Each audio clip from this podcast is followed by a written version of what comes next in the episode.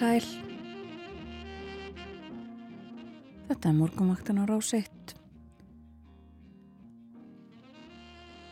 Það er miðvíkudagur í dag, komin 21. júni. Klukkuna vantar 9 mínútur í sjö.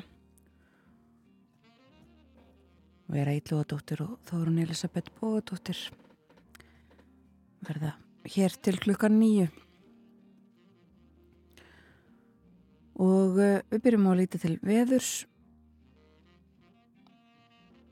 Á spákortinu eða aðtóanakortinu frá því klukkan 6 í morgun má sjá eina bláa tölu það er að segja hiti við frostmark á einum stað á landinu. 0 gráðu frost en sem sagt ég áhiti við frostmark á hverjavellum klukkan 6 í morgun. Frá 0 og upp í 11 stöða hiti á þessu korti 11 stöða hitin á kirkibæjaklustri en við skulum fara hringin kringum landið og sjá hvernig við erum klukkan 6 Það var létt skíðað í Reykjavík, 7 steg að hiti og 2 metrar á sekundu sunnanótt. 5 steg að hiti á Kvanneri og líka 5 steg að hiti í Stikisholmi, all skíðað þar og norðaustan 2 metrar á sekundu. 4 steg að hiti á Patricksfyrði og 3 steg að hiti í Bólungavík, hægur vindur. 3 steg að hiti líka litlu ávík, lítilsáttar súld þar og 4 steg að hiti á Hólmavík. Þryggistega hitti á Blöndósi og við Söðanesvita. Lítilsáttar ryggning á Akureyri klukkan 6 í morgun. 6 stega hitti og 4 metrar á sekundu norðvestanátt. Norðvestanáttin líka á Úsavík. Þar var 4 stega hitti og 6 stega hitti á Reyvorhöfn. 8 metrar á sekundu þar. 7 stega hitti á Skeltingstöðum og 8 stega hitti og skíjað á Egilstöðum þrýr metrar á sekundu þar sunnanátt. Tíu steg að hitti og logna á höfni höfnafyrði, átta steg að hitti á kvískerjum og ellefu steg að hitti á kirkjubæjarklustri. Átta steg að hitti og átta metrar á sekundu á stórhafða í vestmannegjum. Og það var nýju steg að hitti í árnissi og fjórir metrar á sekundu klukkan 6 í morgun. Og sem fyrr segir hitin við frostmark á hverjaföllum innstiks hiti í sandbúðum og svo fjögurastega hiti á káranhjókum, sjö gráður e, í veiðvatnarhaunni. Svona var staðan á landinu klukkan 6. Í dag er svo útlitt fyrir vestlaga eða breytilega átt, uh, góla eða kaldi að styrk. Það er uh, skíjað og lítilsáttur væta á norðan og austanverdu landinu en vestanland svo á Suðurlandi má búast við sólarköplum í dag. Hlýjast ætti að verða 17 til 18 stig á Suðurlandi en heiti undir 10 stigum fyrir norðan. Á morgun er svo útlitt fyrir hægan vindum allt land, skrifar viðfræðingur í morgunsárið, bjart með köplum en lítilsáttar skúrir á stöku stað.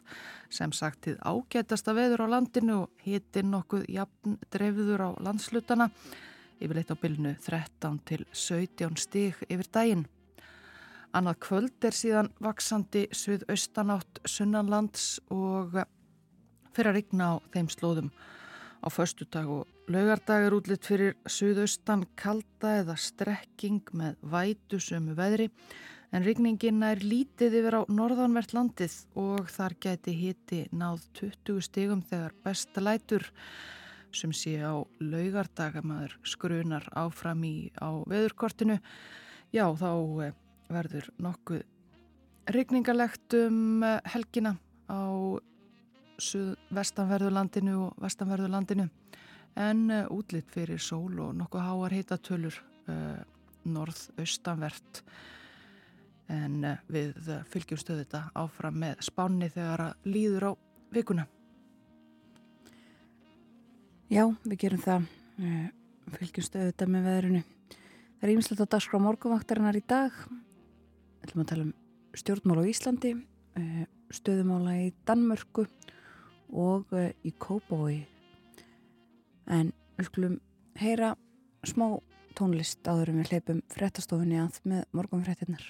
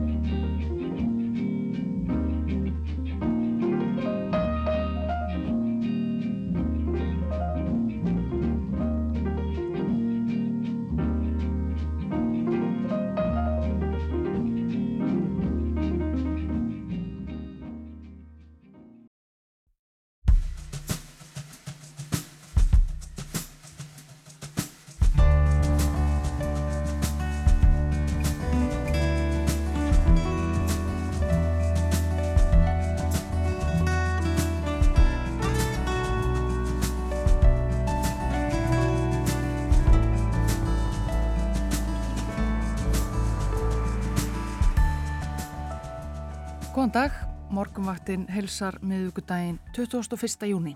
Umsjónamenn þáttarins í dag eru Vera Íllóðadóttir og Þórun Elisabeth Bógadóttir. Og við ætlum að fjalla um Kópavók í þætti dagsins.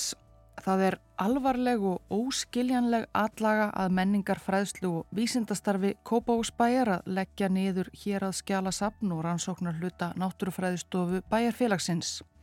Svo segir í áleiktun íbúafundar Kópavóks sem haldin var fyrir í mánuðinum sögufélag Kópavóks bóðaði til fundarins.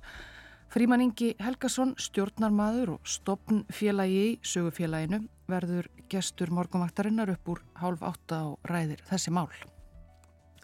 Sumstaðar í Danmörku hefur ekki komið drópi úr lofti í fjórar vikur og það hefur valdið töluverðum vandræðum.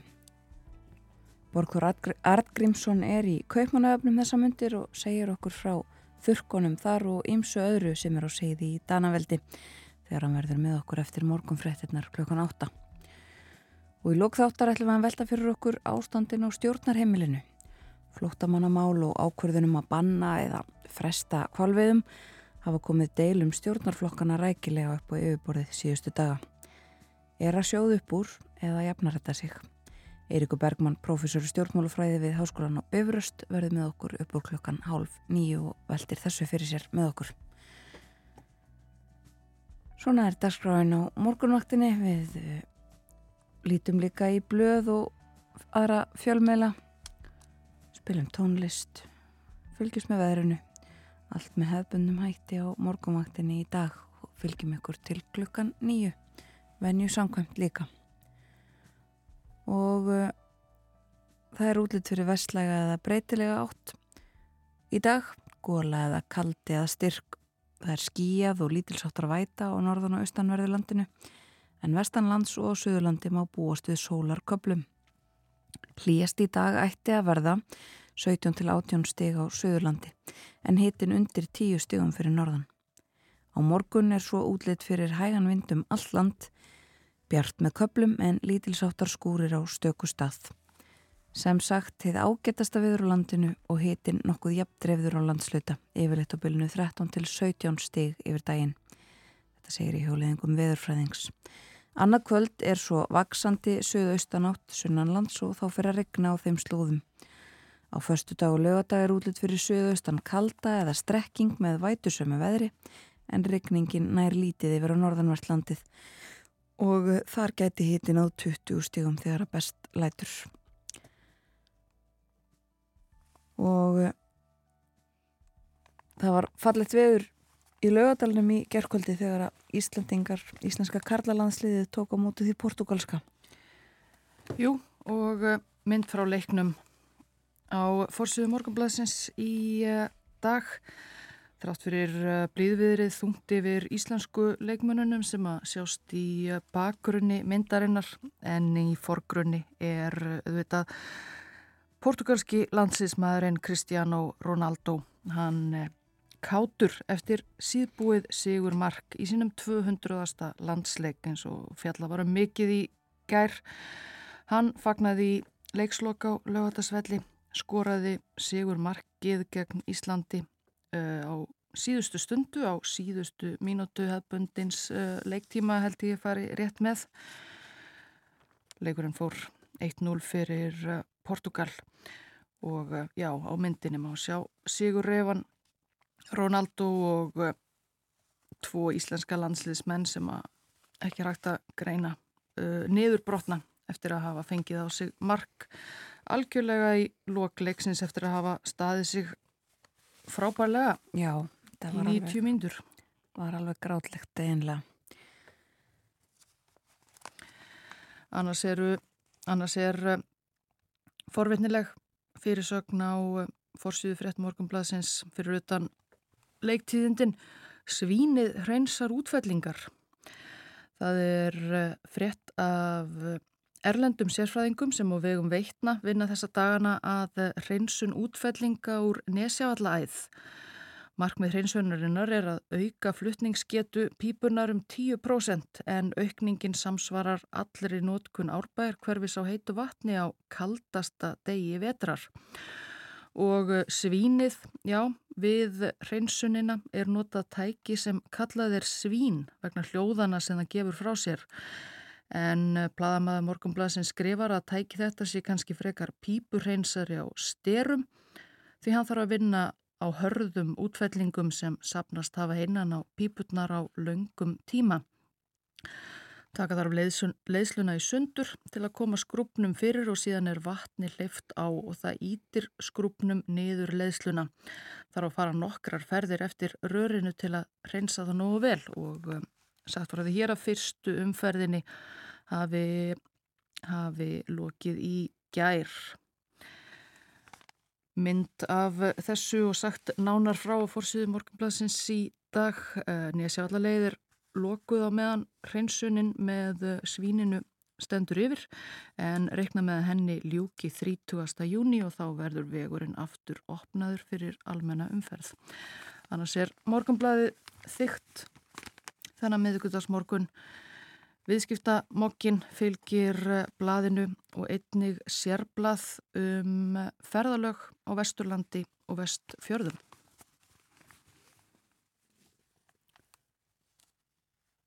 Og uh, við skulum líti út í heim eftir smá stund en heyrum fyrst lag hvað ætlum við að hlusta á. Skulum hlusta á bandaríska söngaran Willie Wright syngja um Nantucket eigu. One, two, A one, two, three, and.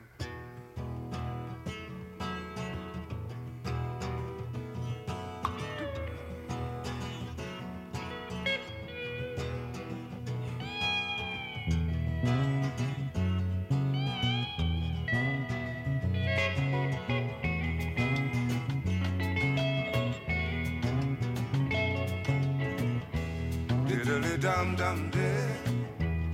Diddly dum dum day, diddly dum dum day, da.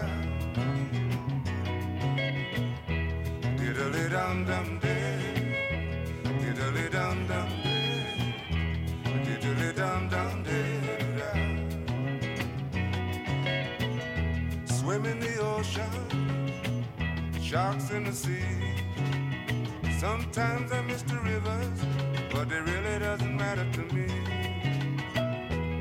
Diddly dum dum day, diddly dum dum day. Nantucket Island, wait for me.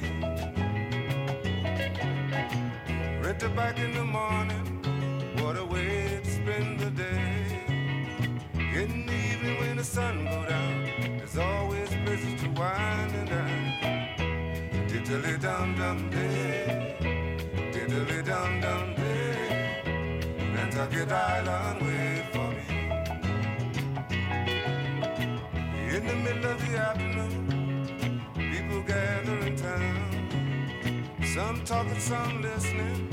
Yeah, everybody's kind of shopping around. Diddly dum dum day, diddly dum dum day. Nantucket Island, wait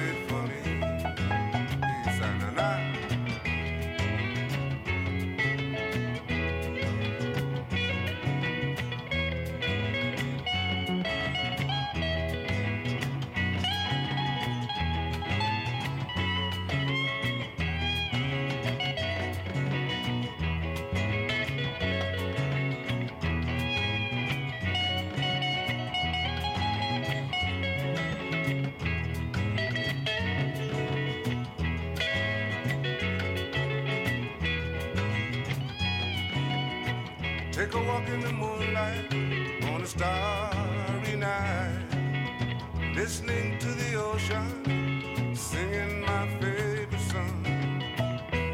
Diddly dum dum day, diddly dum dum day, Nantucket Island, wait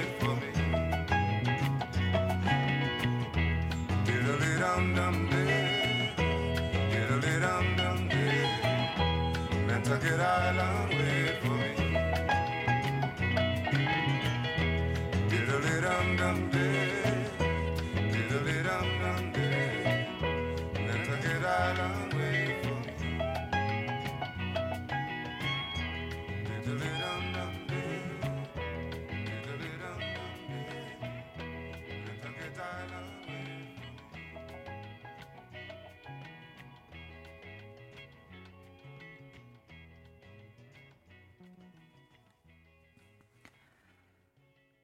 Bandaríski sálarsöngvarinn Willie Wright, hann var frá Mississippi en bjólengi á Nantucket eigu þar sem hann eh, söng fyrir eh, já, bæði eigaskekkja og eh, ferðamann, ferðamenn sem að þanga flykkjast á sumrin.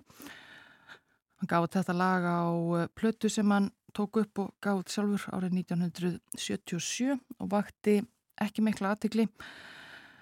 Uh, ekki fyrir en árið 2011 að eh, útgáfu félag tók sér til og eh, endur gaf út plötuna Telling the Truth og eh, hún gekk í endur nýjun lífdaga læðin Nantucket Island þar á meðal. Og við ætlum að líta á frettir fórsýður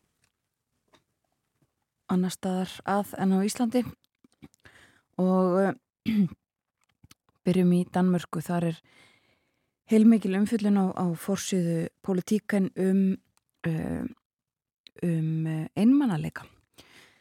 Einmannaleiki kostar samfélagið í Danmörku yfir 7 miljardar danskra króna á ári segir og nú séu ímsir að taka höndum saman til þess að búa til áætlun sem á að já, minka einmannaleika um helming fyrir árið 2040 fjallaðum þetta uh, í, á forsíðunni og uh, líka inn í blæðinu alls konar tölur um það hversu uh, mikið uh, einmannaleiki kostar og þetta eru meðal annars bara lækna kostnaður, uh, innlagnir á geðdildir, uh, döðsföll og ímislegt fleira. Um, við þekkjum þessa umræðu líka hér á Íslandi, það hefur verið rætt um þetta að fleiri og fleiri upplifi sig einmanna og að það hefur og getur haft mjög uh, slæmar uh, hilsuforslegar afleðingar og um, umfjöldunum þetta sem sagt fleiri og fleiri danir sem að uh, upplifa sig einmanna og uh, annars konar frettir á fórsíðu uh, informasjón í Danmarku þar er fyrirsögn af uh, eða mynd og fyrirsögn fórsíðu frettin úr uh, og sagt að náttúran hafi unnið fyrstu umferð. Það voru þessi mál til umfyllunar hjá Evrópusambandinu í gær uh, að, uh, og, og ákvörðun eða, eða niðurstaða að það er að halda halda því áfram að uh, hafa ósnerta náttúru. Það þurfi ákveðin hluti skóa og annars landsvæðis að fá að vera ósnertur og umfyllir um það á, á fórsíðun og informasjón og inn í blæðinu líka. Í uh, sænskum dagblöðum uh, má nefna að uh, dagins nýhittir fjallarum um neyðarlínuna þar í landi og það að það hafi tekið í, í fyrrasumar of langan tíma að svara neyðar símtölum. Það hafi mögulega orsakað fleiri döðsföll heldur en hefði þurft uh, fleiri látist heldur en þurft hefðu og uh, umfjöldunum þetta þar, líka þar talaðum fótboltan eins og við nefndum hér áðan. Og þetta fleiri leikir heldur en hér á Íslandi og uh, svíum tókst ekki nógu vel upp. Þeir töpuðu fyrir Östuríki 2-0 og í svon sænskum fjölmjölum líka fjallaðum þessar nýju norrænu næringar ráðleggingar. Þar er uh, talað við sérfræðing um, vísinda, vísinda bladamann Henrik Ennart sem að segir að uh, það sé uh, gefið grænt ljós á miklu meiri sigurnislu og það gangi ekki upp, þessi jafna gengur ekki upp, segir í fórsíðu fyrirsögn á Svenska dagblæðet og uh, við skulum skoða aðeins þessar nýju næringar, ráðleggingar eftir smástund en það eru fleiri alþjóðlega fréttir sem eru á fórsíðu Svenska dagblæðet sem eru víðar til umfyllunar staðan í Úkrænu auðvitað þar eins og víða um, og náið fylst með stöðunni þar. Og svo er það þessi kavbótur sem að enn er leitað að og ekkert uh, hefur spurst til. Það er fjallegin um þetta á fórsíðun á Svenska dagblætt þetta má nefna það að þetta er líka á fórsíðum flestra ennskublaðana sem við sjáum. Og uh, í bandaríkjónum líka. Það er bein lýsing og útsending frá fjölda, hjá fjölda fjölmjöla um þau mál.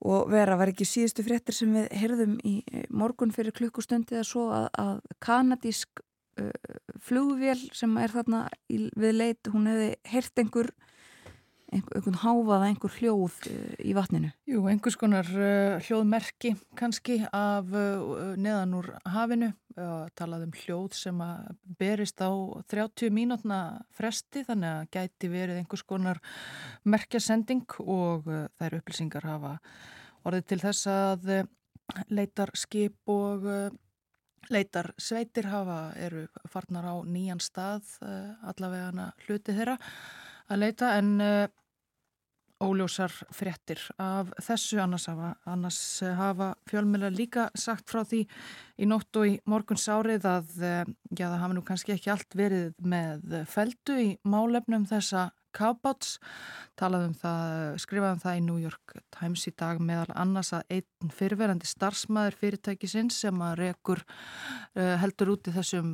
bát hafi skrifað skýslu þar sem að hann bendi á ímisleg vandamál og, og uh, vafasum atriði í öryggismálum að frekar í prófana uh, væri þörf á þessari kapóta tækni og nefndi meðal annars að, að glugginn sem, sem, sem var á bátnum hann hafi ekki verið framleitur til þess að þóla uh, þrýstingin þarna lengst uh, niður í hafdjúpinu.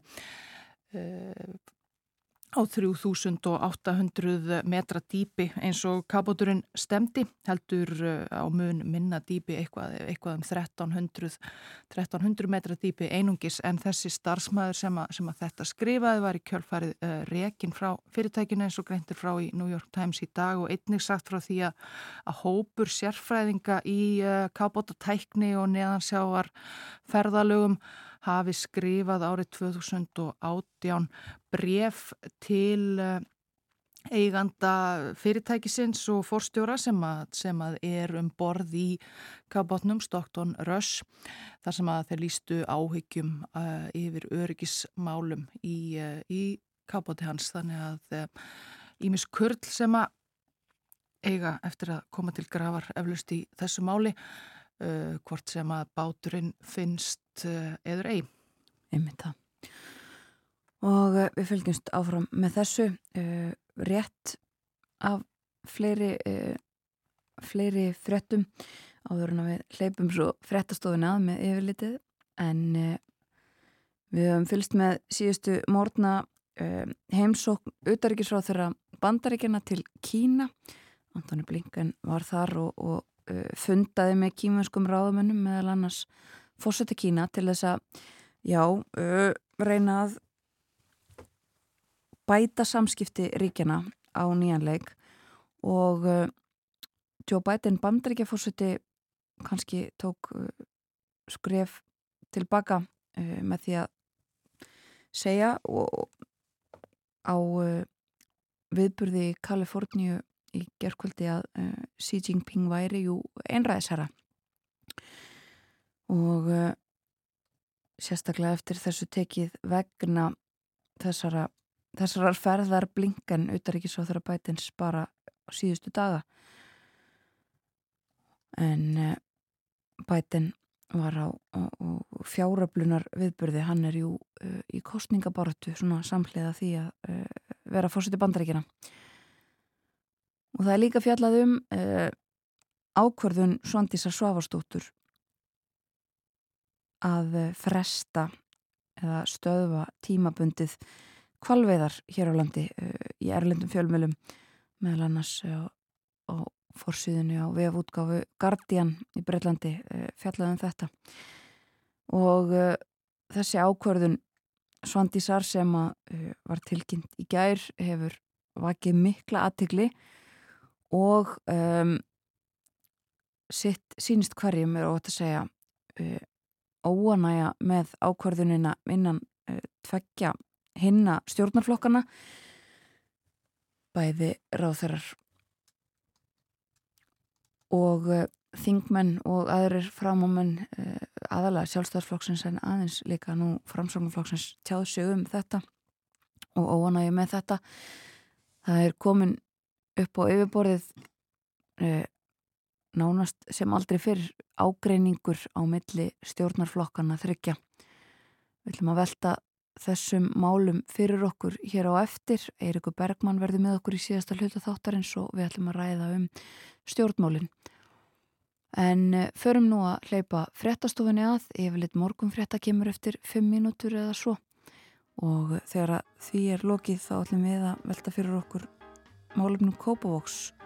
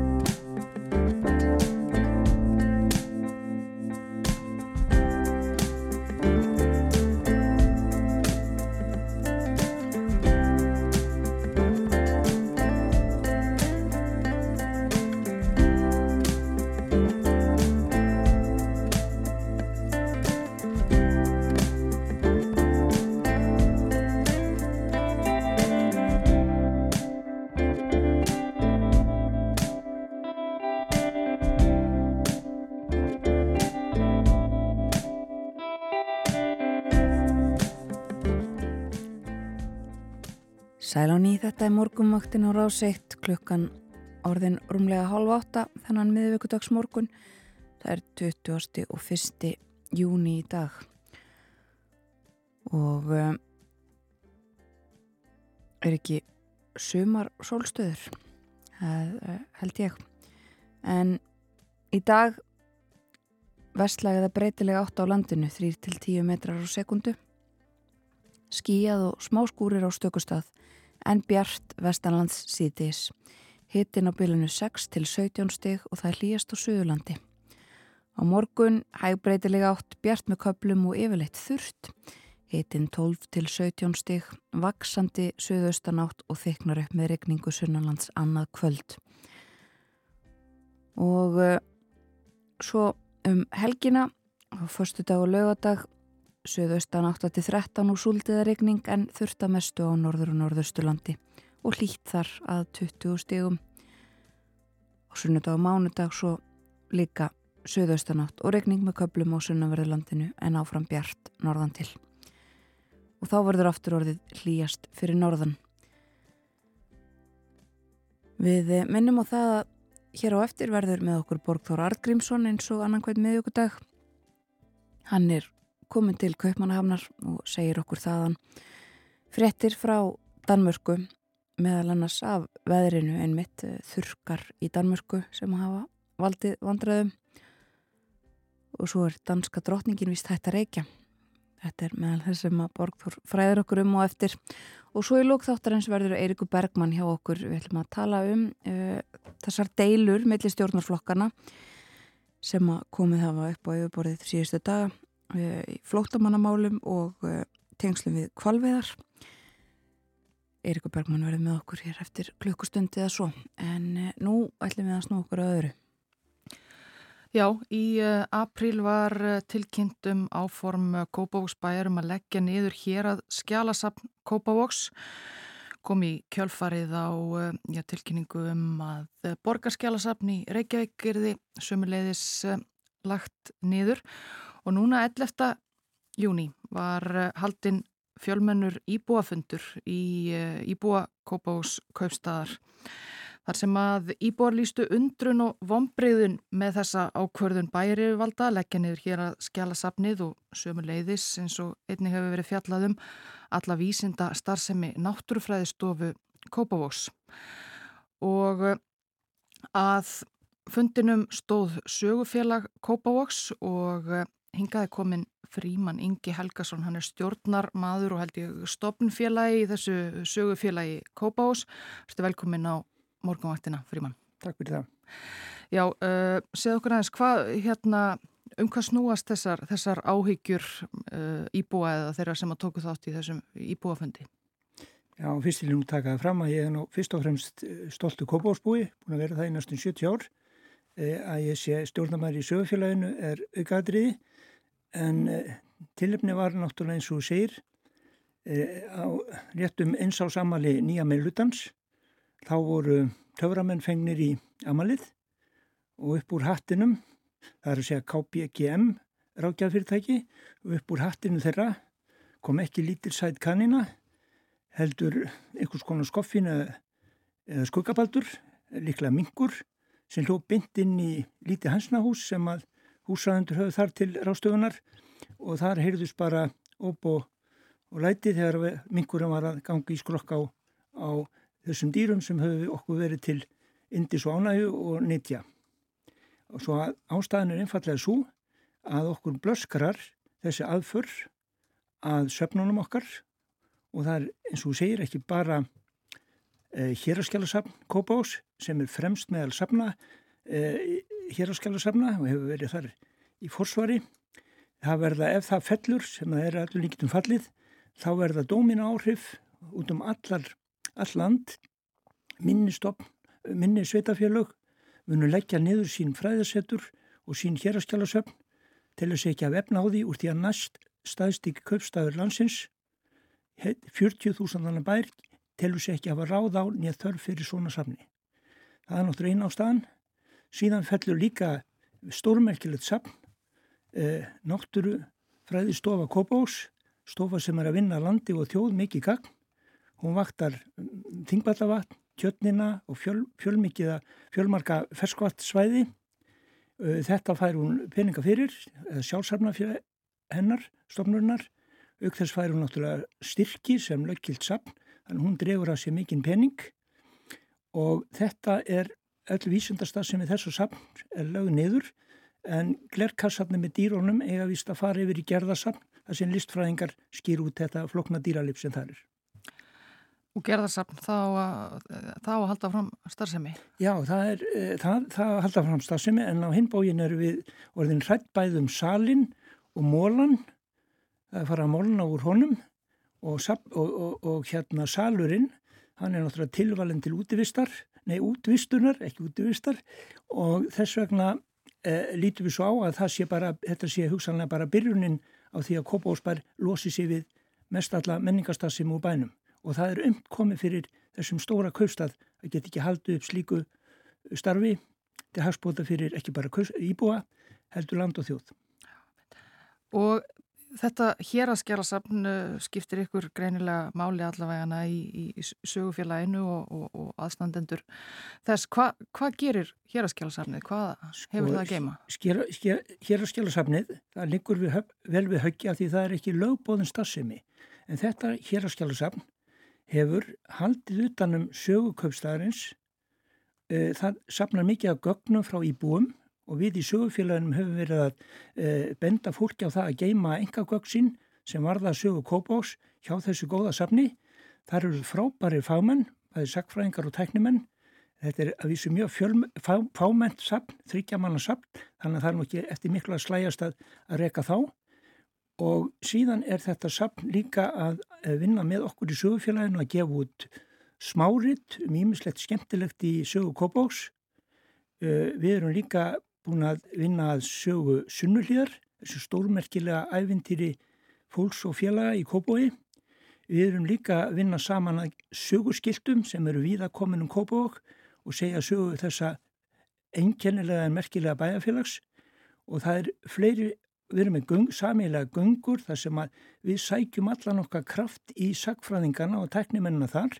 Við erum bara áhuga menn, flestir gamli kópásbúar sem höfum ekki eh, sagfræði að fæi, svo að við erum bóstaflega eins og júrt sem lifir í þessum næringaríka jarði og það var nú tekið í bræðs svona til þess að stinga upp í okkur að bjóða okkur að fara yfir í bókasap Kópás sem er stórmerkilustofnun og líklega ekki hættu.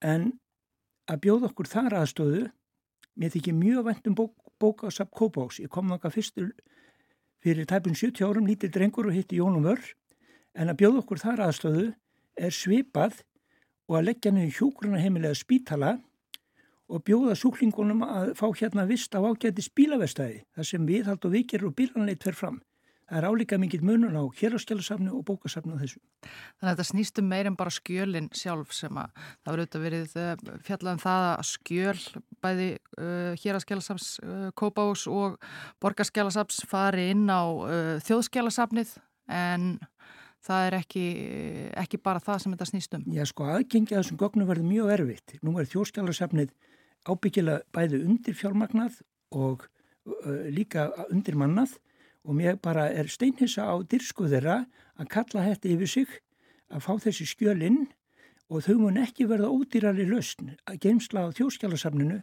heldur en í, geimslum sem að hér á skjálasafni geti komið sér upp. Það þarf ekki nefn að vera bara innaðabill sem er vel valið og rakkavar, heitt og með réttu hittastígi og réttu rakkastígi, þá er því bjargað. En það verða ábyggilega háir reikningar sem komur frá þjóskjálasafnu. Fyrir utan það að enga skjálasöfnin sem fólk er búið að vera að senda og mörg þeirra, flest þeirra varða sögu kópós, það er alls ekki víst að þjóskjálasöfnið taki það sér nema ekki að greiðslu og það er óleist mál. Já, þið skrifið það í álugtun íbúafundarins að, að, að eh, það sé jafnvel sennilegt að, að margir óski þess að taka enga skjöl sín uh, tilbaka verði þetta raunin. Já, það er bara þegar byrjað og þar með fara að dýrma eitt púslúti sögu kópós og sumi kynnu kannski að vera bara fegnir, þá mun þeirra saga líklega að tapast fyrir framtíðina. Segð mér aðeins frá sögufélagi Kópáks, þetta er ekki uh, gamalt félag? Nei, við erum bara rétt rúmlega áratús gammalt og erum bara eitt stærsta sögufélag landsins, alltaf skrítið með, í bæjarfélagi sem við erum að styrstu söguna. Þarna eru á hátt á 1500 manns í félaginu og ef einhver allar að ringja þetta með því að benda á að það sé ekki nema 300 og einhvað eh, sem greiði félagsgjald, þá er það einfallega vegna þess að hjón og sambyrjusfólk greiði bara eitt gjald. En þetta er eitt staðsta og fjölmennasta félagið með uppluga stafsimi. Þarna koma hálsmánalega, eða hafa komið, því er lokið, eh, einstaklingar sem þekki veldi sögu Kópás og fari gegnum myndir, lúsmyndir frá Kópói, aldursgreinar, þekkja fólki á myndunum og þetta er þekking sem er að hverfa. Því að þetta fólk sem er að vinna þessa sjálfbáðvinnu, það er að falla frá. Eh, allt, flest allt orðið roski fólk. Já, þú nefnir það að þetta Kópáur sjálfur, já, saga Kópáus er, er daldi merkilega af því að hún er, hún er ekki laung svona með við mörg önnur sveitafélag. Nei, þetta er náttúrulega sveitafélag sem er eiginlega bara rétt eh, eh, 80 ára gamalt og það byggist ekki upp á fiski, það byggist ekki upp á landbúnaði hér um í kringu sig, það byggist ekki upp á yðnaði, þetta var fyrst og fremst bara flóttamenn, landshorna líður af Eh, sem að sapnaðist þarna saman í, í, í svona einskísmannslandi eh, og reyf sér svo undan seltjarnarsveppi með samstilt á, átæki og við erum eiginlega byggðila til að gamli hugssjón á baráttandin byrtist aftur í kópásbú. Þá voru þetta bara örfáir einstaklingar, nú er þetta orðið 40.000 manna sveitafélag og ætti að vera upplugt og stórt. Sko mér líður eins og barni sem er búin að bjóða eh, hvað var að segja, eh, erfiðum krökkum og óvitum í ammaliðsveislunum sína því að það vit svo til að að hérna eh, meiri hlutin eh, hérna, bæjafulltróðnir eiga núna eh, eins á samali og allt í henni miðri veislu þá verða barni vart, vart við það að gestirnir eru byrjað að brjóta og skemma gullið þeirra og ég hugsa að maður myndi bara kalli mamma og pappa og byggja um að fjalla þetta lið. Það er ekki, þér finnst það ekki vera virðing fyrir sögu kópavóks hjá kannski núverandi? Sko, í raun og veru, ef við skoðum þetta núna, þá sjáum við strax að þegar KPFGM er fengið til að meta þessu starfsemi. Það er, það er fyrirtæki sem er ekkert vit á menningu eða listum eða vísindum, það er bara eh, peningaliðin sem er í lagi og þetta er svo mikil óvirða við kópásbúa að draga þetta álit fram eins og töfra bráð upp úr hatti fyrir utan það að þetta hlýtu bara að hafa slæm áhrif og orðspór þessa fyrirtækis að taka sér svona verkefni.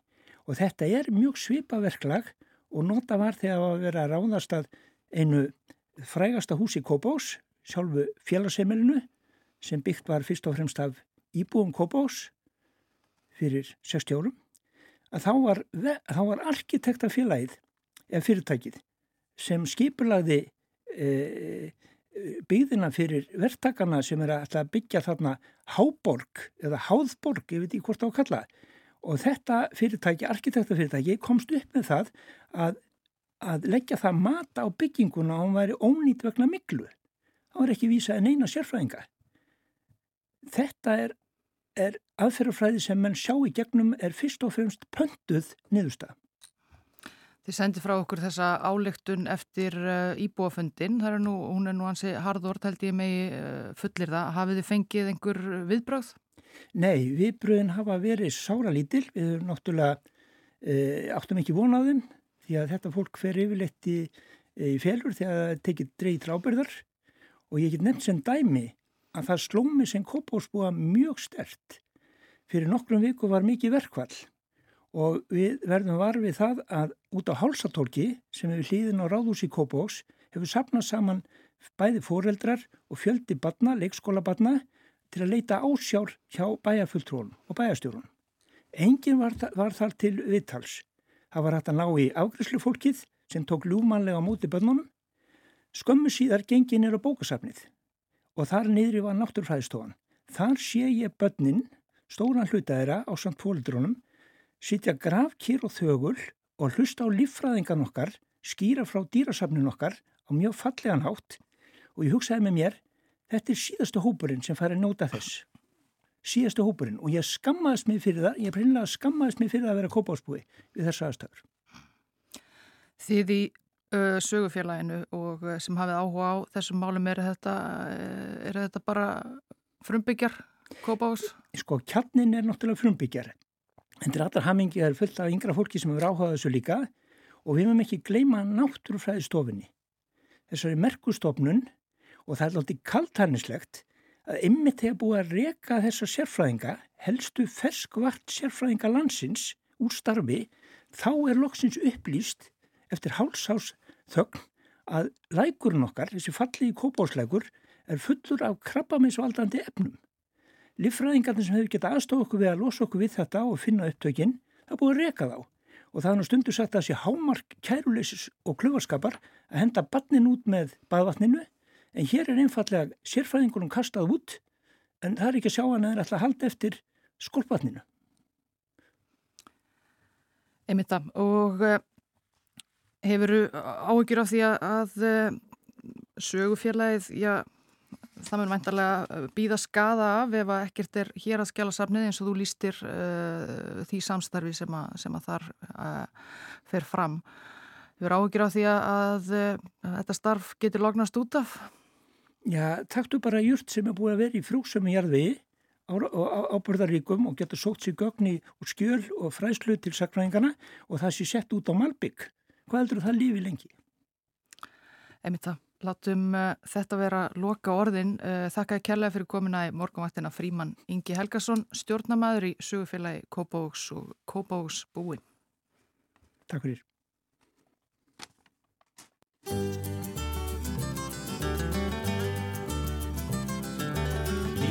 ég hér laungum lögregluna dýra með allum augum stýra.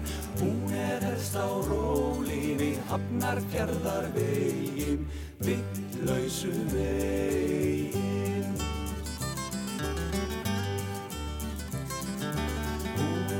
flest er hún rótöð mjög að ganga.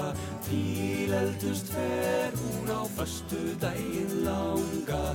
Ég er satt að segja, svein mér ekki frá því Að hún sé á því Bless eins og sjúkur, bæjastjórn og drottin Mikið er mjúkur, malbyggaði spottin En það gerist ekki, annar staðar betri Hvart kílómetri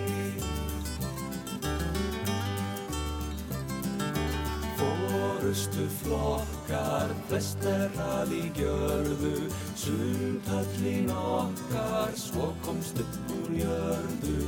Og sköld var þá ímsum, orðin málaðaða Búkin blessaða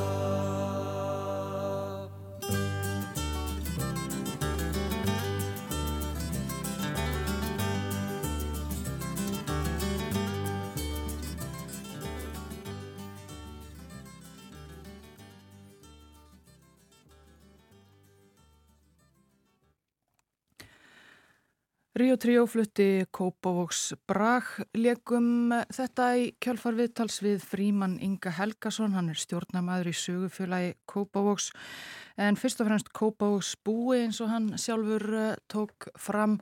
Rætti við okkur um uh, þau áform uh, Kópavóks bæjar, bæjar eru valda í Kópavók að leggja niður bæði hér að skjala sapn bæjarins sem og vísindastar sem í náttúrufræðistofu Kópavóks umdelt áform sem að lögðust ítla í íbúafund eh, sem að haldin var fyrir í þessum mánuðu þann 11. júni í safnaður heimili Kópavús kirkju uh, á vegum sögufélagsins og uh, álíktaði álíktaði gegn þessum áformum og kallaði þetta alvarlega og óskiljanlega atlögu að menningar og vísinda starfi bæjarfélagsins.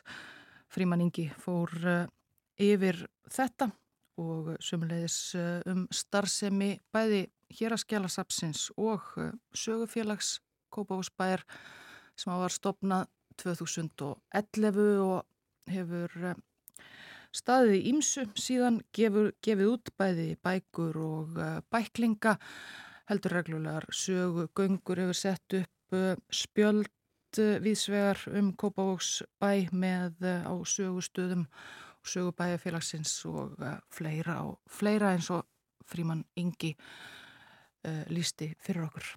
Já. Og uh, við nefndum það hér fyrir morgun að það verði fréttum á Norðurlöndunum uh, þessar nýju norrænu næringar ráðleggingar sem að komu út í gær. Þetta er þetta eru um, þetta er sjötta skiptið sem að norrænar næringar ráðleggingar eru byrtar og gefnar út. Það var fyrst gert ára 1980 og uh, nú er svona mesta breytingin sem að uh, gerð hefur verið á milli, milli útgafa. Þetta er umfangsmikil endurskoðun sem að byggir á uh, vísinda, uh, vísindalegum grunni. Það eru 400 sérfræðingar sem hafa yfirfarið þúsundur vísindagreina og skrifa kapla um mismunandi næringarefni og fæðu flokka. Þetta er fimm ára ferli og uh, í stuttumáli þá er það þannig að okkur er öllum ráðlagt að borða minna kjött og meira úr júrtaríkinu og uh, meiri fisk líka og um, bestu vísindalegu upplýsingar sem völ er á um matvælaneyslu, hilsu og umhverfismál. Þetta er í fyrsta sinn sem að umhverfismál eru tekin inn í þessa breytu. Og uh, það er haft eftir sérfræðingunum uh, að þetta er það eru samleðar áhrif þarna á milli. Það sem að er uh, holdt og heilnæmt uh, fyrir okkur er líka gott fyrir umhverfið yðurlega og það er lagt til að sækja mataræðið að mestu í Jústaríkið mikið græmiti, ávextir, ber, bönir, kartöblur og hilkorn mikil neysla á fiski og netum hófleg neysla á mjölkurvörum sem innihalda litla fytu, takmarka neyslu á rauð, rauðu og hvítu kjöti og sem minnst neysla á unnum kjötvörum, áfengi og unninni matvöru sem inniheldur uh, mikla fytu, salt og sikur. Það er að skoða þetta allt saman uh, á vefnum. Það eru gerðar alls konar breytingar og ráleggingar og svo eru það næstu skrefin hér á Íslandi sem eru að, að búa til faghóp en bætti landlæknis gerir það og uh, sáhópur endur skoðar ofinbyrra ráðleggingar um mataræða á Íslandi sérstaklega. Þær hafa verið í gildi uh, þær ráðleggingar frá árunni 2014 og nýjar ráðleggingar munu byggja á þessu norrennu en svo líka tekið til til íslenskra aðstæðina til dæmis uh, niðurstaðna úr landskönnun á mataræði sem fór fram árin 2019 til 2021 og við höfum fjallaðum bæði hér á morguvaktinu og hefur verið fjallaðum almennt í frettum. Við förum að hleypa frettastofunni að frettir koma eftir tæpar 5 mínútur á slæginu 8 að þeim loknum þá eh, verður með okkur Borgþór Artgrímsson frá Kaupmannahöfni þetta skipti Við ræðum um dönsk málefni.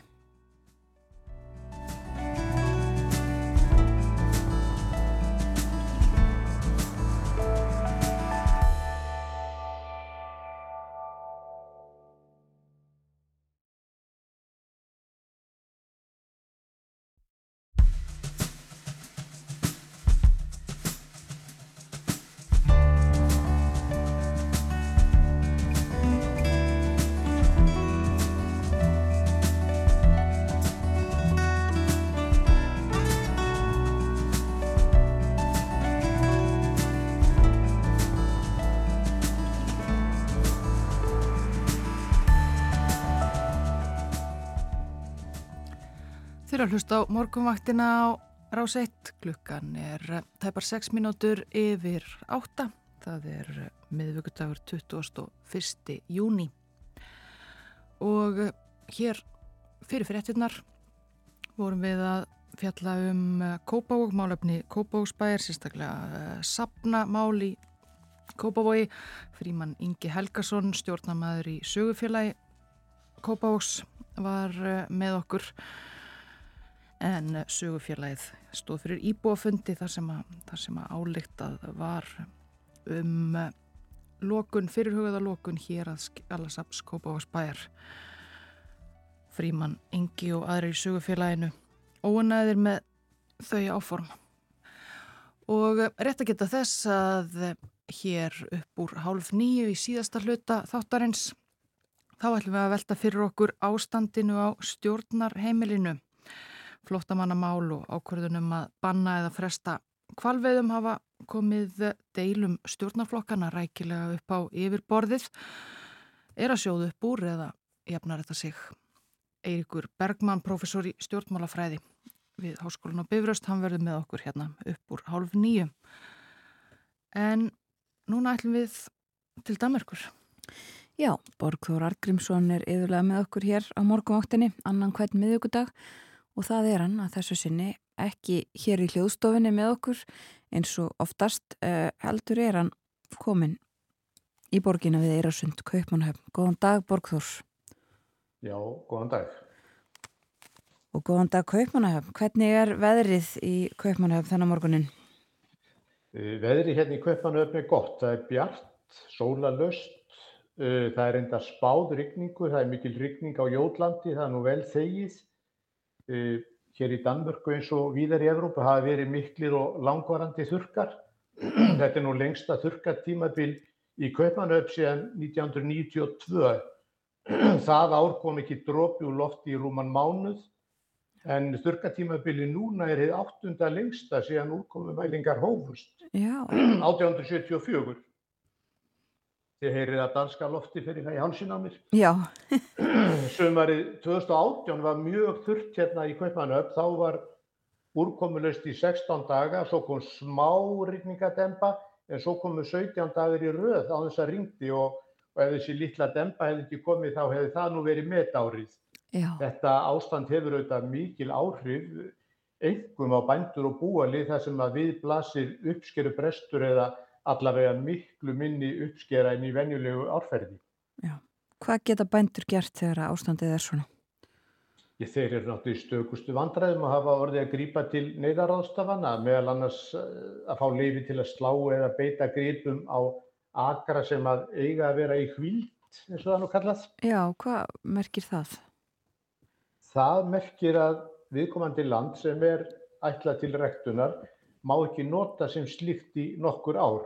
Tilgangurinn er að annars vera að kvíla jörðina uh, og leifa henn að jafna sig og, og, og skortýra lífinu og ennfremur er þetta liður í viðleikni Evrópusambatsins til að draga á ofræktun ef að, svo má segja, það gilda nú um þetta ákveðna reglu sem ég kann svo sem ég geta útskýra.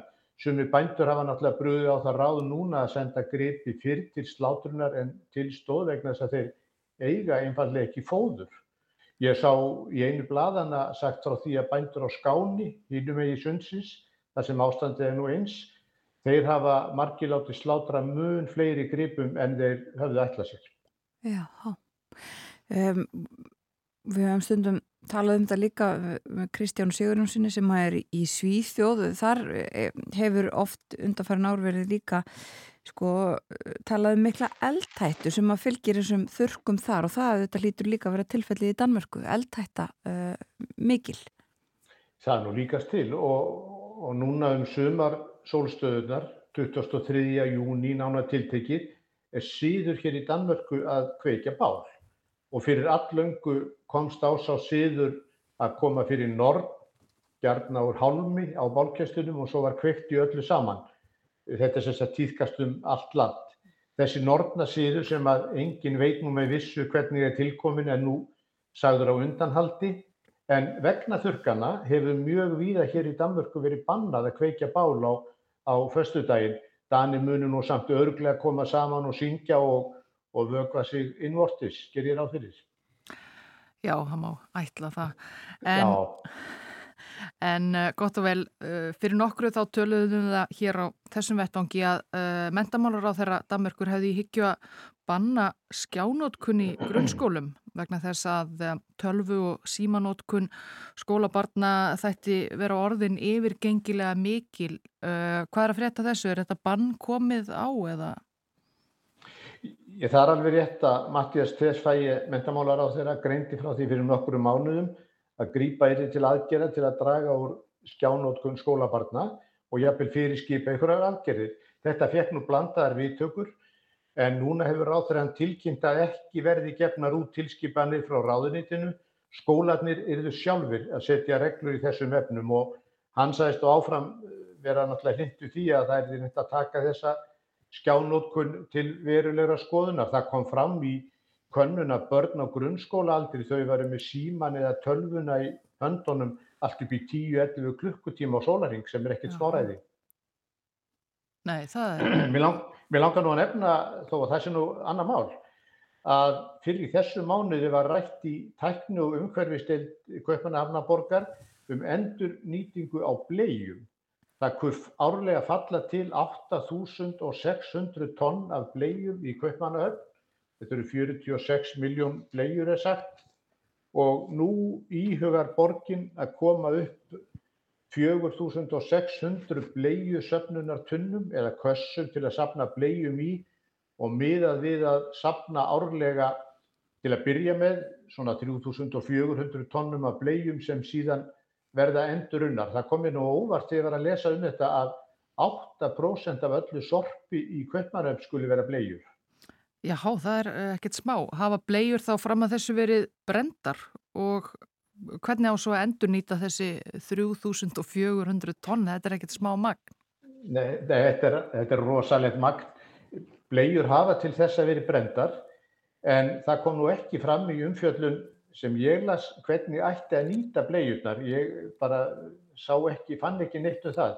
Ég veit ekki hvort búið að ákveða þetta endanlega en, en mér finnst þetta nú aðfélisvert.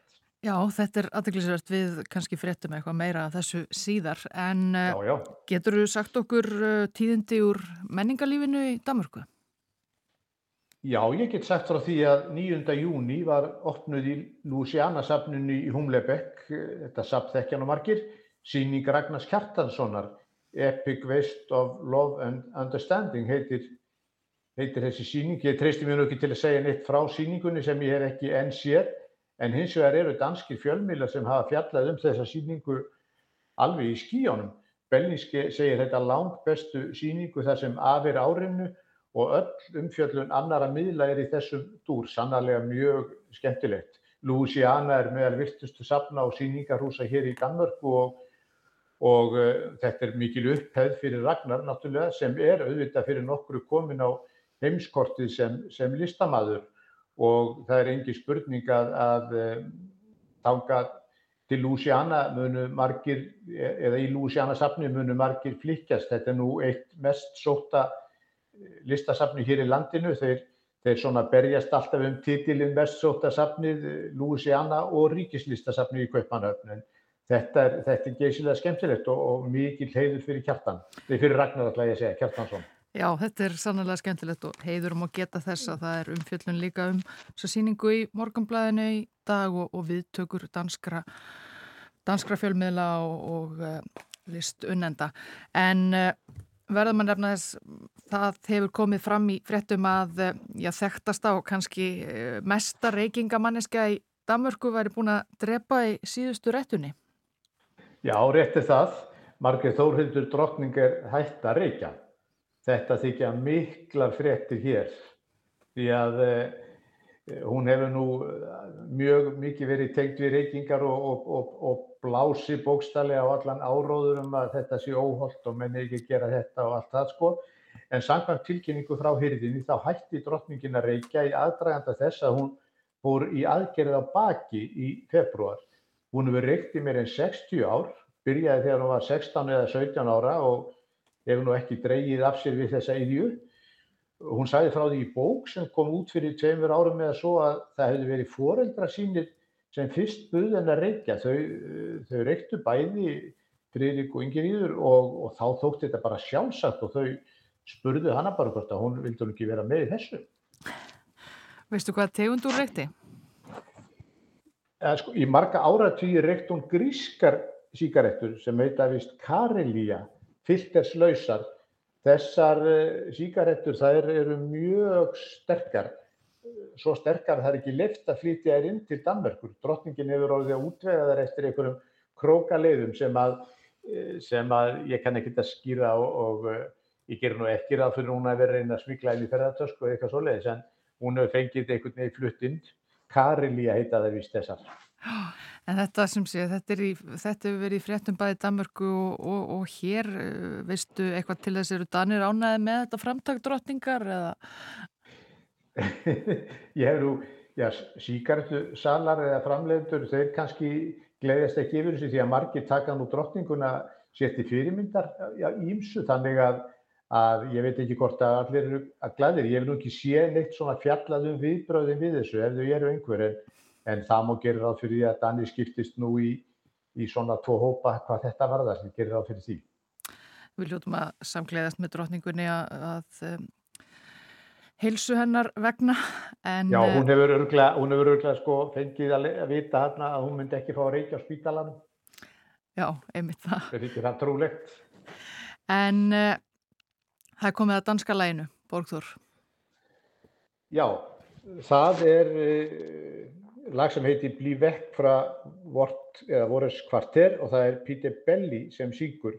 Þetta er bandarist lag og eh, heitir Oath to the Little Brown Shack og þetta er nú tekið upp 1970 upphæðlega í bandaríkjónum og sama áreindar í Danmörk og þá voru nú myndböndin ekki komin en það voru komna svona filmur ræmur sem voru síðan settar inn á YouTube og og í þessu lagi er alltaf verið að sína þetta Little Brown Shack sem var sem sagt kamar í bandaríkjónum. En Peter Belli var mjög vinsett söngvari hérna í Danmörku, upptakkan er eins og ég sagði frá 1970 og fjallar alveg um síkilt efni niðurrif húsa sem að hús sem sumir vilja varveita en aðri rýfa. Eh, Peter Belli hann lést 8. júni síðastlega rétt að verða áttræður og, og Það var mikil umfjöllun um æfi hans og störf. Það var búin að vera söngvar í áratugi. Mikil umfjöllun hérna í dönsku fjölmiðlunum. Við skellum þessu á fónin. Uh, takk kærlega fyrir spjallið í dag, Borgþór Argrímsson og njóttu dagsins. Já, já takk svo mjög leiðis.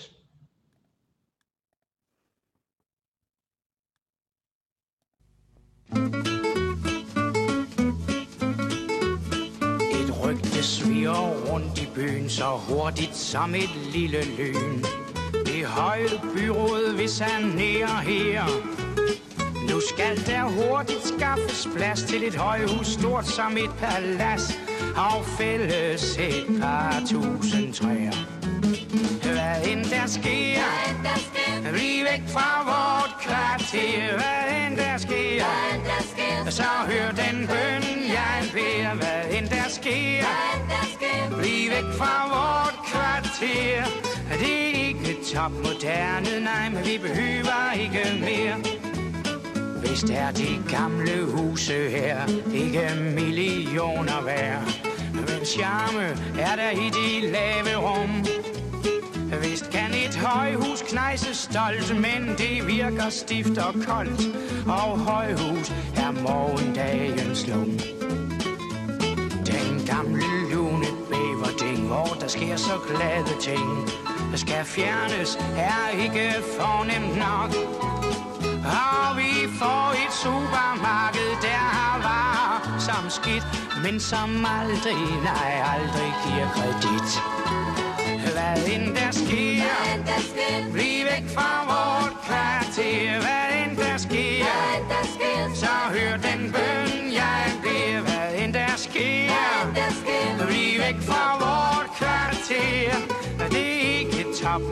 Gerne, nej, men vi behøver ikke mere. Og den flinke lille købmand, han må lukke, det skulle kønt. Ligesom Hansen, der sælger frugt og grønt. Der bliver parkeringsplads til den hellige bil. Men hvad med plads til børn og til smil? Skal man leve som et menneske, må man have et miljø.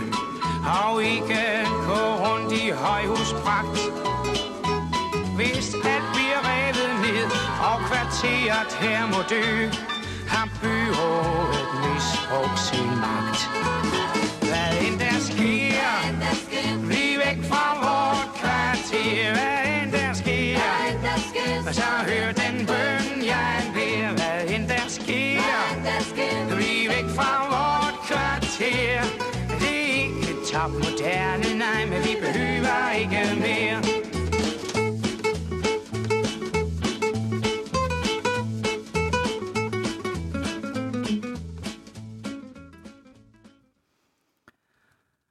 Á Petter eh, Belli sem að söng blí vekk frá vort kvarter. Þetta var danska lægið þennan miðugdagsmorgunin sem að Borgþór Argrímsson hafi með í fórum sínum. Hann eh, er í Kaupmannahöfn og sað okkur frá því helsta af dönskum málefnum. Mikli þurkar í Danmörku og eh, svo er drotningin hægt að reykja. Já. Já, uh, þurkar í Danmörku uh, hefur ekki ringt í lengri tíma sem staðar. Það er nú spáð uh, skúrum milli 1 og 3 í dag í Kaupmannhöfn uh, eins og Borgþór sað okkur var bjart yfir en, en engin sól þó. Gert ráð fyrir því að sólinn láti sjá sig setnipartin í dag í Kaupmannhöfn. Það verið 25 steg að hiti þar og uh, það er sólskinn í Stokkólmi Hittin fyrir upp í 26 stig þar í dag. Í Ósló er 22 eh, steg að hitti núna. Skíjað og gert ráð fyrir regningu setnipartin og það er eh, líka kærkomið þar.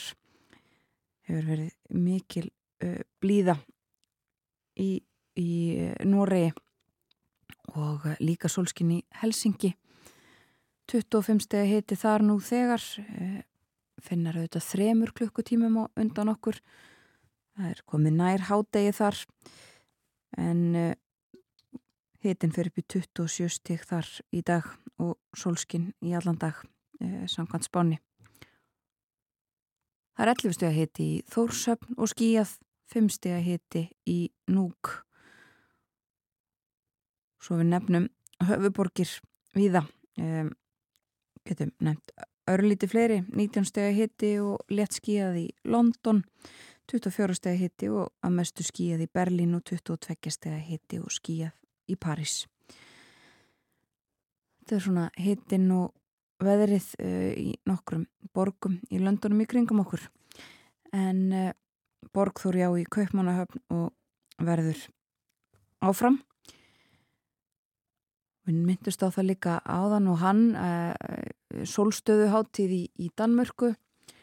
Það er haldið upp á já, Jónsmessu með sumars solstöðuháttíðir þó ekki fara mikið fyrir slíku hér á Íslandi en það eru solstöður í dag og hven er nákvæmlega? Jú, klukkan 14.57.47 sem sagt þegar klukkuna vantar rúmar tvær mínútur í þrjú eftir hátegi þá verða nákvæmlega sömur sólstuður í þetta skiptið á þessu ári og eh, á næsta ári berðar upp á 20. júni hins vegar það gerist uh, svona fjörða hvert ár en uh, Við fyrum að leipa frettastofinni að auglýsingum og svo frettastofinni við fáum að heyra hvað er helst að fretta, yfirlitt morgum fretta.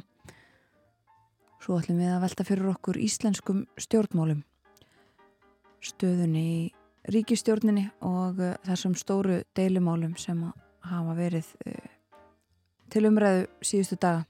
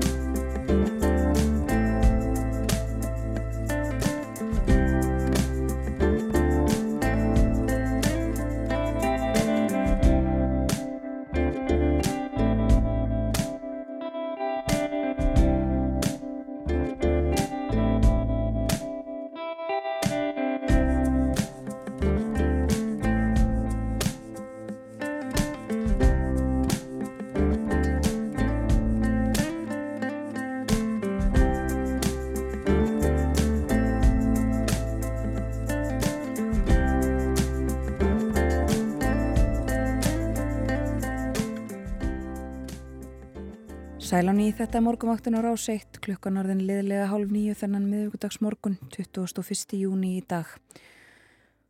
Og uh, við höfum hér í morgun rættum uh, málefni Sapna og Kópavóks og uh, það sem er efst á bau í Danmörku. Já, svona ymsar frettir þaðan.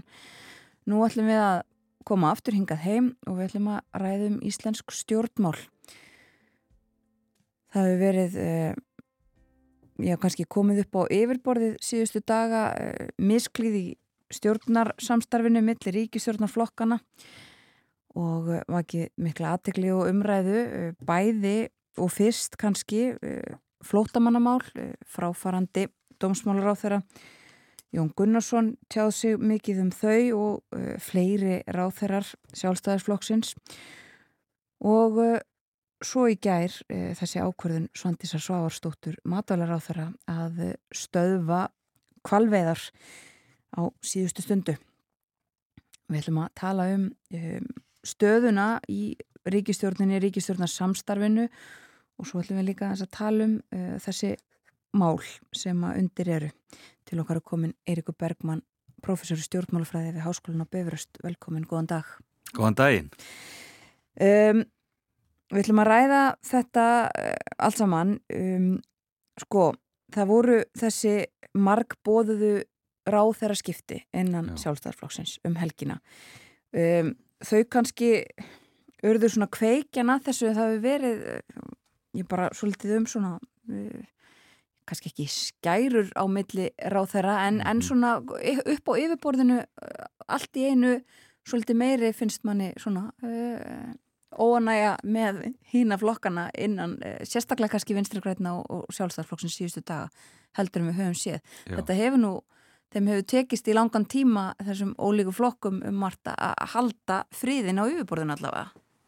Já, já, þetta er bara, held ég, nákvæmlega þannig sem þetta er. Það er gremja sem hefur kröymað lengi uh, undir niðri sem er núna að koma upp á yfirborðið Eh, sko fórustu fólk þessa flokka eh, þau hafa unnið mjög náið saman og þeim hefur tekist að halda svona ágræningssefnum í, í skefjum og halda líka aftur af kannski þeim þingmönnum eða, eða stöðnismönnum, flokksmönnum sem að um, svona vilja fara þá kannski meiri skærur til þess að ná málum í gegn Um, ég held að við gleymum því stundum hversu ólingi flokkar uh, standa að þessari ríkistjórn og í efnagspolítisku samhengi eru þetta sem sagt vangjana, förum við vangjana á milli, milli vinstri græna og, og, og sjálfstæðisflokks og svo eru þetta framsamflokkur en það er svo litið í miðjunni. Mm -hmm og það er eh, náið samstarf eh, fórustumannana sem hefur svona, eh, fengið þetta til þess að ganga.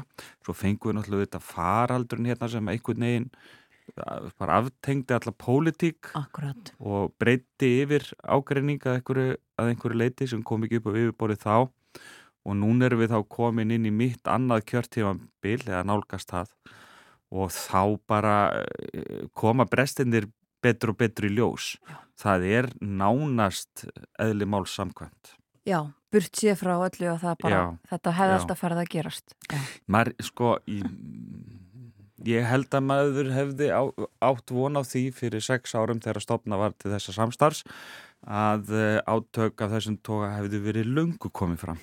Já. Það er eiginlega merkilegt hversu sentu er að koma fram. Já, og þá kannski, ég myndi eins og segir, er faraldurinn þar sem að spila inn í það langt tímabild þar sem að, já. Hann tekur út alveg 2-3 ár já.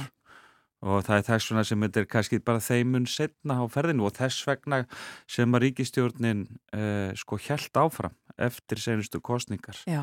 Ég held að fyrir 6 árum þegar að stofna var til samstarfsis að þá hafi afar fáum dottið í hug að svo ríkistjórn myndi halda áfram inn í annað kjörtjömbil. Já, og þetta margir uh, kannski ekki sýrt í hinnum flokkonum sem að töluðu um það að þessi stjórn væri, uh, já, stundum sagt bara um ekki neitt, bara um að viðhalda einhverju mm -hmm. ástandi, svo þetta breytist bara ástandið, ekki síst efnahagsástandið og það er svona ímislegt sem að er að, að bara breytast og það er vendanlega líka eitthvað sem er kannski kraumar undir og er erfitt að taka stáfið fyrir einmitt eins og nefndir upp hafi svona ólíka flokka. Og það er margt sem hefur verið mótrækt eh, ríkistjórnarflokkurinn núna að undaföðnu. Sko, grunnur eh, sko, gremjunar er sá að flokkanir koma málun sínum tröðla í gegn vegna þess að þeir eru svo ólíkir, þeir hafa svo ólíka stefnu að þannig að þegar að ráð þeirra færa fram mál þá gengur það að gerðnan gegn stefnu einhvers samstagsflokksins sem gera það að verka að málinn komast ekki gegn, þau stranda eða menn telli sig þurfa að gera allt og mikla málamiðlanir þannig að rauninni verður ekki neitt úr neinu mm -hmm. og það er það sem að byggjur upp gremjun og það er það sem að sjáum til dæmis í ummælum fráfærandi e, dómsmólar á þeirrans að hann næri ekki málunum sínum í gegn og kennir vinstri grænum með það en það er einfallega vegna þess að, að uh, málinn ganga gegn stefnu vinstri græna og, og svo er það eins í, í, í þeim ráðunitum sem að vinstri grænir hafa og þetta byggir allt saman upp gremju.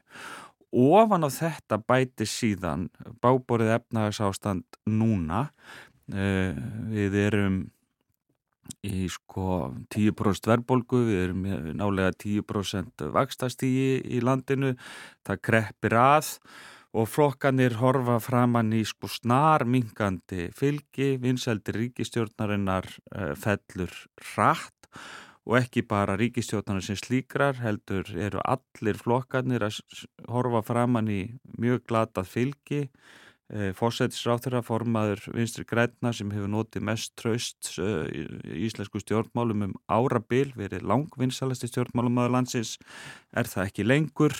Eh, allt þetta leggst á eitt við að svona, mm, það súrni aðeins svona samtalið. Já, akkurat og, og við höfum sannlega séð það gerast síðustu daga og þú nefndir einmitt fráfærandi dómsmálar á þeirra og, og uh, það var kannski svona það þau mál sem að hliftu yllu blóði í, í vinstri græn um, en, en það er ekkit nýtt í rauninni sem að Jón Gunnarsson var að segja uh, sko um, um til dæmis um, um flótamannamálum málumni uh, útlendinga hann hefur sagt þessa hluti áður og einmitt verið að framfylgja einhverju eh, þeirri stefnu hvað er það þá? Er það bara þetta þetta var einhver drópi sem fylgti mælin eða er það það að nýr dómsmólar á þeirra og kannski líka formaður sjálfstæðisflokksins hafi svona, tekið svona stert undir með honum? Ég held að það sé aðeins svítakara það er sagt, þarna í fyrradag þegar að ráð þeirra skiptin verða að þá uh, sko leggur sjálfstæðisflokkurinn sig fram við að benda á að uh, framganga Jóns Gunnarssonars í, uh, sem ráð þeirra dó, hérna, dómsmála og hælisleitenda uh, sé klárt og hvitt stefna alls flokksins. Umræðan hafði að einhverju leiti gengið út á það að um, Jón Gunnarsson væri svona Um, talsmaður uh, kannski bara svona tiltekins uh, afkima í sjálfstæðisflokksins uh, í þessum málefnum sem var svona livði inn í flokknum ásamt alls konar annars konar sjónamiðum og væri jafnvel ekki sko eitthvað meiri hluta skoðun inn í flokknum. En þá kemur sagt, viðtakandi e, e, dómsmólar á þeirra Guðrun Hafstistóttir og svo formaður sjálfstæðarflokksins, kannski sérstaklega Bjarni Bindiktsson og þau hamra þetta inn að e, hörð afstafa e, Jóns Gunnarssonar sé alfarið stefna sjálfstæðarflokksins alls og í rauninni e, er formaðurinn að taka undir með hætti sem að hann hafði ekki gert sjálfur áður og ekki nómið það heldur er engin leið að skilja orð hans þannig að maður setu þau í samingi við ríkistjórn og þing uh, öðruvísi en, en, en þau hann sé bara að hund skamma vinstri græna fyrir að hafa staði í vegi fyrir harðari aðgerðum í mm. málefnum hælisteitenda. Þannig það er engin leið að tólka þessu ummæli öðruvísi með sangjötnum uh, hætti og þetta vekur upp þessa miklu gremju meðalvinstri græna og eins og við rættum það þá er undirliggjandi gremja búin að krauma þannig að þetta kemur allt upp á yfirborðið. Þingmaður vinstri græna vandar samstarfsfólki sínu ríkistjórn ekki hverjurnar og svo kemur þessi ákverðun Svandísa Svavastóttur um hérna, stöðu að kvalviðarnar einhvern veginn strax í kjölfarið. Uh, maður veitu þetta ekki nákvæmlega hvert samhengið þarna á milli þú veist, er raunverulega en það byrtist sko svona í beinu framhaldi af þessu og gerir sjálfstæðismenn alveg brjálaða og þarna er bara farið að hrykta í stóðum ríkistjórnarinnar já. Um, sko, ég sá haft eftir þér held ég gæri mitt að sko, fórustum en ríkistjórnar segja alltaf að það sé engin hætta, það sé allt, allt í lægi þanga til að Já. svo er ekki. Um, getum við með einhverjum hætti borið þessi mál saman við sko síðustu ríkistjórnir sem hafa sprungið? Sko, ríkistjórnir, það hefur nú verið frekar regla að undanfötnu að ríkistjórnir sko falli áður en það er klári gjörtímabil. Það eru ekki marga ríkistjórnir sem hafa náða að gera það. Þessi ríkistjórn náða að gera það seinast og svo vinstur stjórnin eftir hrun með algjörum herkjum þó hún væri nú lungu búin að missa meira hluta sinn en aðra ríkistjórnir hafa fallið hér á miðju gjörtímabili og, og það hafa verið alls konar mál sem að hafa ollið því Það eru sko efnahagsleg neykslismál eins og í Panamaskjala leganum sem endanum leiti til falls þeirra ríkistjórnar. Það eru málefni sem eru ótengd ríkistjórnar uh, sko fólkinu við ríkistjórn. Það er að segja uh, þegar að fadir um, uh, Bjarnar Benditssonar skrifar sem sagt undir hérna, hvað heitir þetta nú ráðleggingu eða vottun einhvern veginn fyrir uppreist æru uh, og það fellir þá ríkistjórn án þess að það hafi verið málefni á borðum þeirra ríkistjórnar þannig að það er nú svona allur gangur á því. Ríkistjórn fellur hér auðvitað í hruninu veist, í búsáhaldabildingunni þannig að eitt og annað sem að getur va valdið falli ríkistjórnar Já, akkurat. En það er sko ekkit víst að þessi ríkistjórn sé eitthvað á fallandi fæti akkurat í augnablikinu ég held að svo sé ekki. Það er ímislegt sem að hjálpar þeim í þeim efnum núna. Þingi situr ekki og þannig að það veitir þeim töluvert mikið skjól og bara árstíminn Já, er þannig að við erum á leiðin inn í svona ró eh, hefbundna í íslenskum stjórnmálum. Þannig að menn hafa alveg andrými, menn geta alveg sko andað í kviðin og það fer nú bara hver svona í sitt hérað og fer að hlúa bara að svona hver flokkur af, að, að sínu. En hins vegar er þetta ástand sko, verður það ekkert horfið þegar að þing hefst í haust og svona pólitískar skilmingar hefjast á nýjanleik mhm, en flokkanir hafa þá þennan tíma til þess að reyna að, að, að bera einhvers klæði á vopnin sko. já. Og ef að það mitt ríkistjórnin bara heldur og, og heldur áfram, heldur þá að við getum búist við því að, að svona uppákomur er kannski ekki rétta orðið en, en svona verði þetta áfram vegna þess að það verðist líka vera sem svo Já. að, að flokkarnir séu, þú nefndir það sjálfur áðan þeim, þeim gengur illa samkvæmt skoðanakönnunum öllum. Um, verða þeir þá bara í því allir að að marka sér sína stöðu og vera í rauninni bara undirbúa næstu kostningar til að reyna að lappa upp á fylgið Já, það er aldrei hægt. Ég eh, sko sagði ykkur viðtali við þinglókin að ma- maður geti búist við sko svona auklum uh, ágreiningi og aukinni misklíð á milli flokkana og þá ætti ég nú ekki vona því að það myndi gera svona rætt Nei, og með svona sko afgerandi hætti. Þetta er sko þessi uppákoma sem hefur búin að vera en það senstu tvo daga, hún er ekkert smáræði. Þetta er ekkert eitthvað sem að menn geta bara svona uh, þau skert lítið úr og sagt, já, já, þetta var nú bara svona hressilegur ágreiningur og, og allt í góðu og við erum áfram voðalega fínir vinir. Þetta er ekkert þannig mál, þetta er miklu stærra mál heldur en það, þó svo ríkistjóti fall ekki og ég held ekki að hún sé að, sé að falla, þá hefur þetta áhrif, þetta veikir stóðir ríkistjórnarinnar og svo bara fer gluk, uh, klukkan að ganga á næstu kostningar flokkandi fara að stilla sér upp og sérna sjáu hvernig þeir eru byrjaðar að stilla sér upp. Þannig að leið og einn byrjar að reyfa sig þá stökkva hinnir fram og þannig að ég gerir bara ráð fyrir því að þetta verði voðalega erfitt uh, fram að uh, næstu kostningum en það er ekkert innstæmi því að eins og ég nefndi vinstri stjórnina hér eftir hrun á sínu tíma, hún var í þessari stöðu sko árum saman alla, allavegana sko jafn langan tíma og er núna fram að næstu uh, kostningum þar sem að það væri raunin ekki meiri hluti og bakvið þá ríkistjóð flokkarnir voru í, í sko ofinberum skærum hvort gegn öðrum. Það voru sko deilur innan þingflokka innan Vafki á þeim tíma voru bara hjaðningavík, bara borgarastyrjöld inn í, inn í flokknum. En ríkisjónin held velli alveg fram að kostningum mm -hmm. En hún kom engum málum lengur í gegn, hún var orðin óstarf hæf sem, sem sagt, stjórnvald sem að getur einhvern veginn samið um að koma málum í gegnum, gegnum þing. Og það erum við líka að byrja að sjá núna með þessa ríkistjórn að ráðræðnir eru farinir að, að sko ganga fram hver á sínu sviði með í meira mæli heldur en áður án samráðs hver við annan Mm. eh, til dæmis bara svo ég tækin svona lítið mál sem engin, eða sem, mál sem allavega ekkert voru neina sérstaklega deilurum sem var lókun sendiráðs eh, eh, Íslands í, í Mosku að þar tiltekur utrækisráðu það alveg sérstaklega og næstu því sko uh, óspurð að þetta sé ákverðun ráðurans eins Já. uh, og sama gerir síðan svandist núna í sinni, sinni ákverðun og uh, ráðar eru fannir að tala meir um það að, að, að þau séu nánast einráð í sínum málaflokki og þurfi ekkert að bera málin undir ríkistjórnina og þetta segir sko gríðar stóra sögum ástandið á stjórnarheimilinu. Já, að hérna að ráð þeirra skuli sko kjósa að fyrrabræði að tala svona. Já, einmitt, nefna þessi mál að fyrirbræði, já.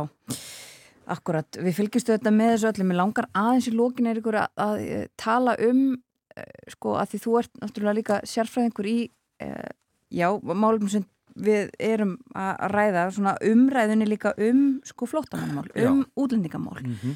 sem að er, uh, já, undir í þessu og, og hefur auðvitað verið til umræðu í svolítinn tíma en við erum kannski að siglinni svolítið nýja tíma á Já. Íslandi. Þetta hefur, einmitt, þú nefndir sjálfur áðan, það hefur verið svona fram að þessu eiginlega verið hægt að halda þið fram. Þetta sé bara þessi viðþorf gagvart þessu málum séu í svona hluta sjálfstæðisflokksins. Já, Miðflokkurinn hefur auðvitað verið með Mhm. svona uh, stefnu uh, skýra í þessu um, en erum við að siglinni nýja tíma og kannski eitthvað sem við þekkjum á nágrannarlöndunum uh, varðandi umræðu um útlendingamál og þetta er bara virkilega góð spurning já, ég hef verið með augun á þessum málum eh, all mörg ár Já. skrifað hérna all nokkrar bækur um þjóðveitnispopulisma í Evrópu, andin flytjenda hugmyndir og hvernig það er svona blandar saman við þjóðveitnisíki og, og annars slíkt svo úr verður svona, svona, já, mikil andúð í garð uh, aðkomi fólks og,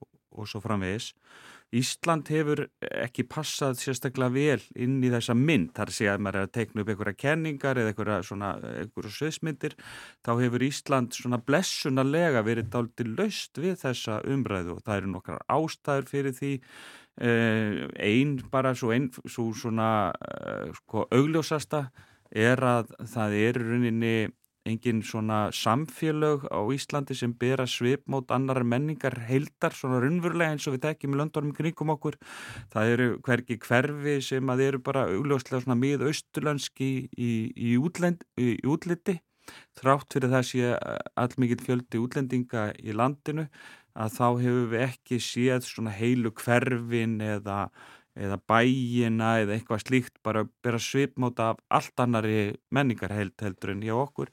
Þannig að það er daldið svona hefur verið erfiðar að færa fram aðstöðu, andstöðu gegn slíku útlendingar sem er í landinu. Atvinnu þáttaka þeirra er meiri heldur en Íslendinga um, og, og meiri heldur en innflytjenda í mörgum öðrum uh, löndum, þannig að svona ímislegt sem hefur verið öðruvísi hérna og flokkar sem hafa uh, verið stopnaður og stilt sér fram svona fyrst og fremst á þessu málum, þeir hafa ekki náð uh, svona miklu máli á, á Íslandi.